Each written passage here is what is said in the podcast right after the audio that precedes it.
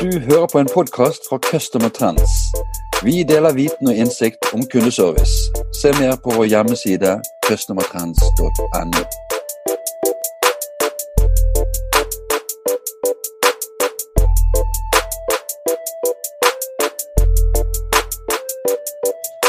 Hei og velkommen til en ny eh, kundeservice-podkast. Mitt navn er eh, Bjarte Lysand fra Customer Trends.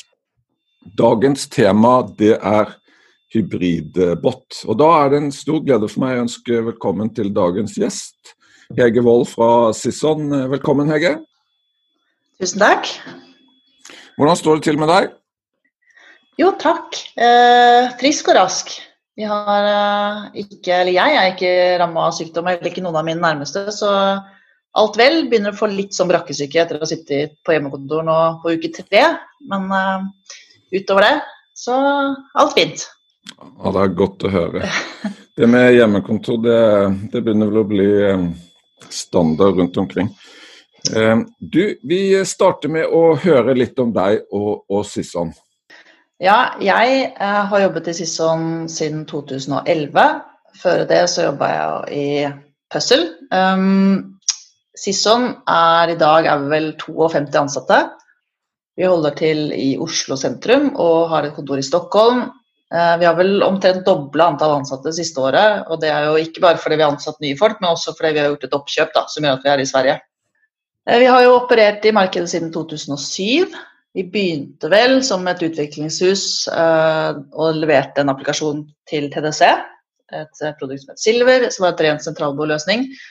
Og i 2010 så hentet vi uh, selger over til oss, som gjorde at vi også satsa på direkte kunder. Og fikk jo ganske fort opp en hyggelig portefølje der, med Norwegian bl.a., som var en av våre første kunder. Og så har det egentlig bare balla på seg, og de siste årene så har vi jo satsa mye på partnersalg. Eh, vi har også direktesalg fremdeles, men det er først og fremst partnersalg som har vært, eh, vært, en av eh, de største beina som vi står på.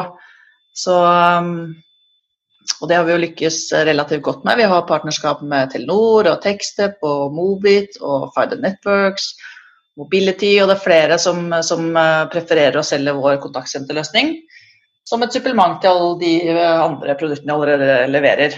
Da typisk kanskje mobile løsninger, da. Hvor mange, hvor mange, kunder i Norge er det som, som har eh, løsningen deres?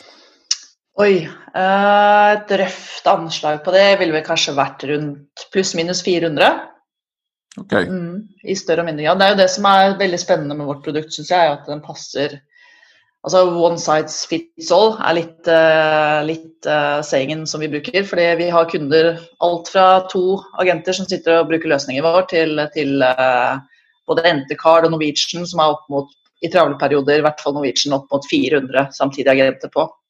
Ja. Så vi, eh, og Bergen kommune er jo også en av våre kunder som har svært mange agenter på til hver tid. Så vi, vi har et eh, bredt spekter av hvilke kunder vi faller ned på da, og passer for. Mm. Telefoni, eh, kontaktsenterløsning kan jo være et spennende tema på et annet, en, i en annen episode. Men i dag så skal vi snakke om bot.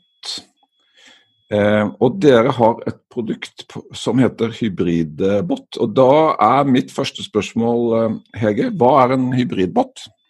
En hybridbot, altså den definisjonen som vi bruker på det, eller det vi tenker at en hybridbot er, er en bot som tilbyr overflyt til et menneske når botten står fast, eller det av andre grunner er naturlig å, å rute innchatteren over til et menneske.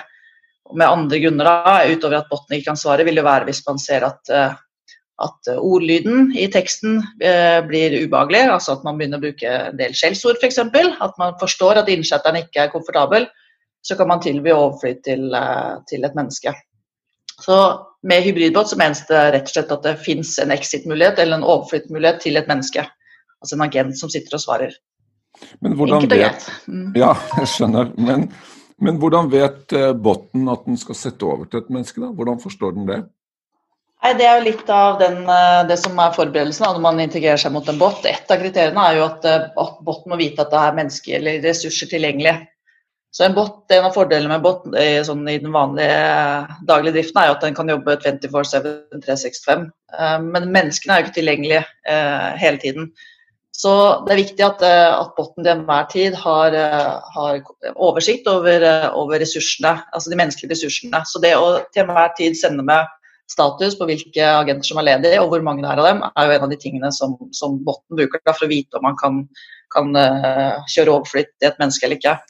Og så er det jo å se på språket. Altså hvis det, blir, hvis det er en naturlig god flyt, så er det bare å la botten fortsette å svare. Men hvis man ser at det, at det begynner å bli uh, ja, en ordbruk da, som man normalt ikke skal ha, med ukvemsord f.eks., så er det også naturlig at man da exiter til, til et menneske. Nå skal det sies at vår bot er ikke helt der ennå, eller den uh, hybridboten vår er ikke helt der ennå, at han reagerer på, på ordlyden, men uh, det er jo det vi jobber med i disse dager, til å komme dit. Så først og fremst i dag så er det jo tilgjengeligheten på menneskelige ressurser bakkant som gjør om altså at botten eventuelt tilbyr et menneske eller ikke. Og Hvordan vet botten at det er personer på jobb, da? Fordi eh, Når vi integrerer oss mot en, eh, en, eh, en, bot, så er jo det et av de kriteriene som vi må sende med hele tiden. Så hver gang det går en dialog frem og tilbake mellom, mellom eh, boten og innchatter, så sender vi samtidig med om det er menneskelige ressurser tilgjengelig eller ikke. Fordi det er sånn at En chat vil alltid starte i vår applikasjon.